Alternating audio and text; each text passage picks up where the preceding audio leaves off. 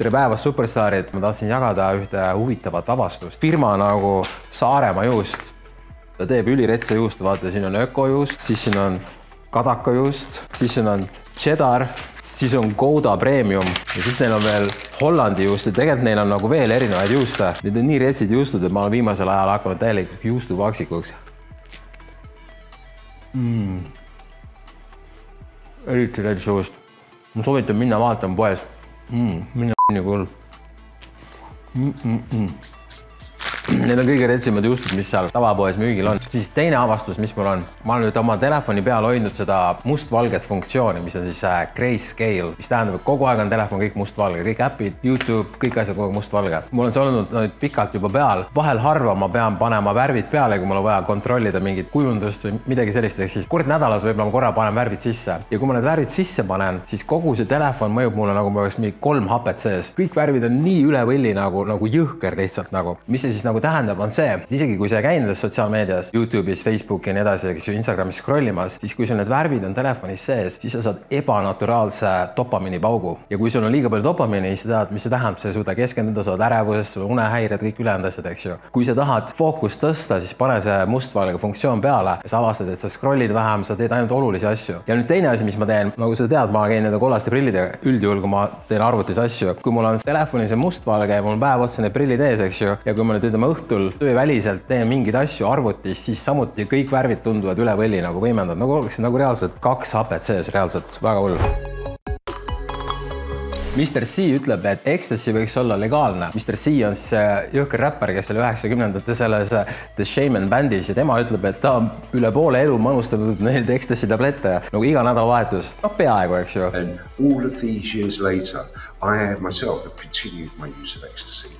And um, you know, I literally ate ecstasy pills every weekend for the last thirty years. ja tüüp on täna viiskümmend kaheksa, ta on elu parimas vormis, ta näeb ülihea välja, meel on selge, loovus toimib, eks ju, ja ta ütleb, et see on niivõrd kerge narkootikum, et see tuleks alandada C-klassi ravimiks. Ecstasy ehk siis nii-öelda MDMA kasuks räägivad väga paljud teadusuuringud. mina pooldan sedasama, mina olen, noh, ma ei ole muidugi nii palju neid ära söönud kui Mr C, ma arvan, ma olen võib-olla sada Ecstasy't söönud, võib-olla kakssada. võib-olla maksimum kolmsada, ma tõesti ei tea, ma ei loe neid, eks ju. loomulikult seda korraga ei tohi muidugi palju võtta, ühtegi asja ei tohi korraga palju võtta, aga jah, ma arvan, et siuksed psühhedeelikumid ja ecstasy sarnased asjad võiksid olla kindlasti legaalsed, siis läheks kogu asi palju paremaks, me suudaksime ära lõpetada narkosõja. põhiteema on see, et äh, narkotsi müüb ju politsei ise ju. narkopolitsei mingi boss jäi vahele tohutu kokaiinilastiga mõned aastad tagasi, siis me saatsime kaposse kirja ka veel, mida see tähendab, et enda tüüp jääb vahele ja siis ega sealt ei tulnud mingit vastust. kerge narkootikum, MDMA võiks olla legaalne, aga kindlasti see Mr C arvab, peaks kange narkots peaks olema legaalne nagu kokaiin või amfetamiin, selle vastu on ta täielikult, mina ka, see ei peaks olema legaalne.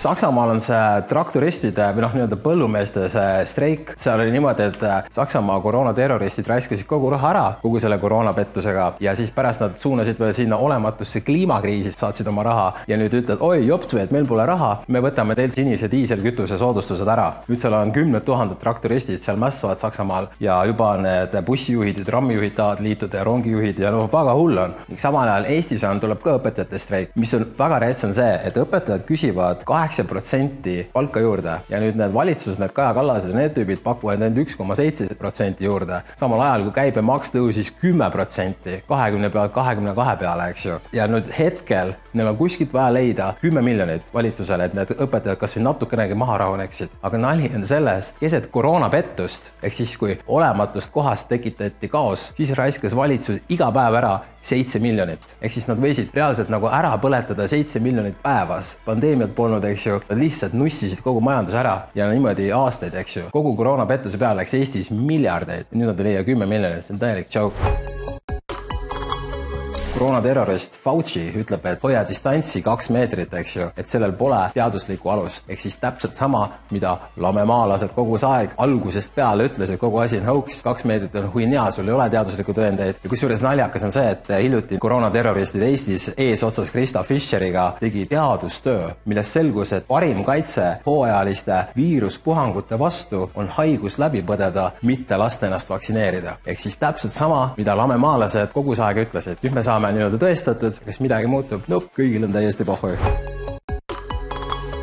kohus kolmekordistas vaktsineerimisest keeldumise eest vallandatud Narva politseiniku hüvitist. ringkonnakohus mitte ainult ei kinnitanud halduskohtu otsust endise Narva politseijaoskonna patrullitalituse juhi Aleksander Urbi kaebuse osas, kes vallandati kahe tuhande kahekümne esimese aasta lõpus vaktsineerimisest keeldumise tõttu, vaid kolmekordistas kahekümne esimese aasta lõpul halduskohtu poolt välja mõistetud hüvitist, tõstes selle kaheksateistkümne ametipalgani, kirjutas Russ ERR möödunud nädalavahetusel. nüüd huvitaval kombel seda ei kajasta Eesti peavoolumeedia, aga venekeelne Eesti peavoolumeedia seda kajastab. eestlased eriti ei taha sellega tegeleda, kõik tahavad, me unustaks ära selle koroonapettuse, seda tahavad nii liberaalid kui konservatiivid, sest kõik olid sellega seotud. ja nüüd, kui see vend sai kolmekordse hüvitise, siis ma mõtlen, et kus need ülejäänud politseinikud, te peaks kõik nõudma oma hüvitist, kaasa arvatud teie kõik, kes te lasite ennast süstida selle fake vaktsiiniga olemata haiguse eest ja nüüd tõenäoliselt olete ise mingisuguses haiguses seal. kindlasti kaevake kohtusse kogu see karis ja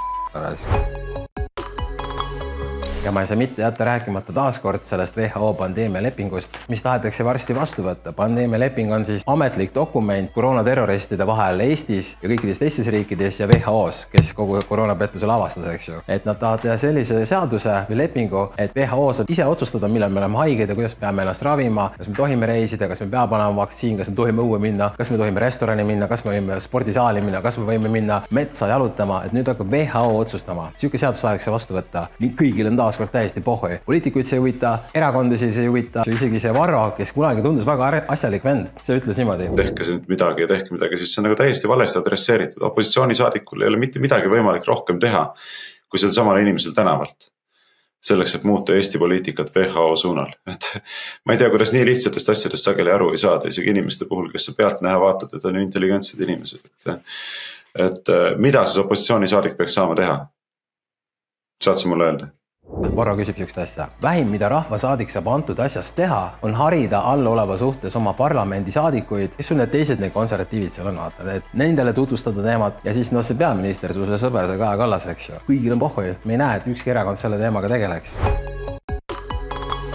räägime natuke lastest, kuna ma olen ise ka isa, eks ju, ma olen aru saanud, parim asi, mis sa saad oma lastele teha, on isiklik eneseareng. kui sa ise oled suht okei okay, nagu, see on kõik, mis lapsed tahavad. ainukesed, kes võib-olla mäletavad paarikümne aasta pärast, et sa tulid hilja koju, sest sa pidid tööd tegema, on lapsed, aga tegelikult nad tahavad, eks ju, sind ja head sind. üks väike mäng, arvake ära, mida ma ütlesin äh, seal sünnitusmajas arstile, kui kunagi meie esimene poeg sündis ja kui nad tahtsid talle teha süsti, see oli siis aastal kaks tuhat viisteist, kui see lapsed sünnivad, nad tahavad kohe hakata vaktsineerima, eks ju. nii, ma ütlesin neile viisakalt, ma ei soovi. siis nad ütlesid, aa, me teeme ikka. ma ütlesin, ei, palun, ma ei soovi, eks ju. siis nad tulid kolmandat korda, tõid mingi järgmise tüübi, et kuule, et me teeme süsti. ja nüüd arvake ära, mis ma neile vastasin. ma ütlen teile neli valikuvarianti. esimene on tänane ei, teine, ma ei soovi, palun ära tee talle süsti. kolmas, ma juba ütlesin, ma ei soovi, et te teete mu lapsele süsti. või neljas variant ma löön selle fucking süstla sulle silma, kui sa mu last puudud. kõigi õieti vastanute vahel loosime välja raamatu Vaktsineerida või mitte, mille välja andnud vaktsiinikahjustusega lastevanemate ühing. ongi tänaseks kõik, tule kapist välja ka sina, me kõik teame, et see on hauks.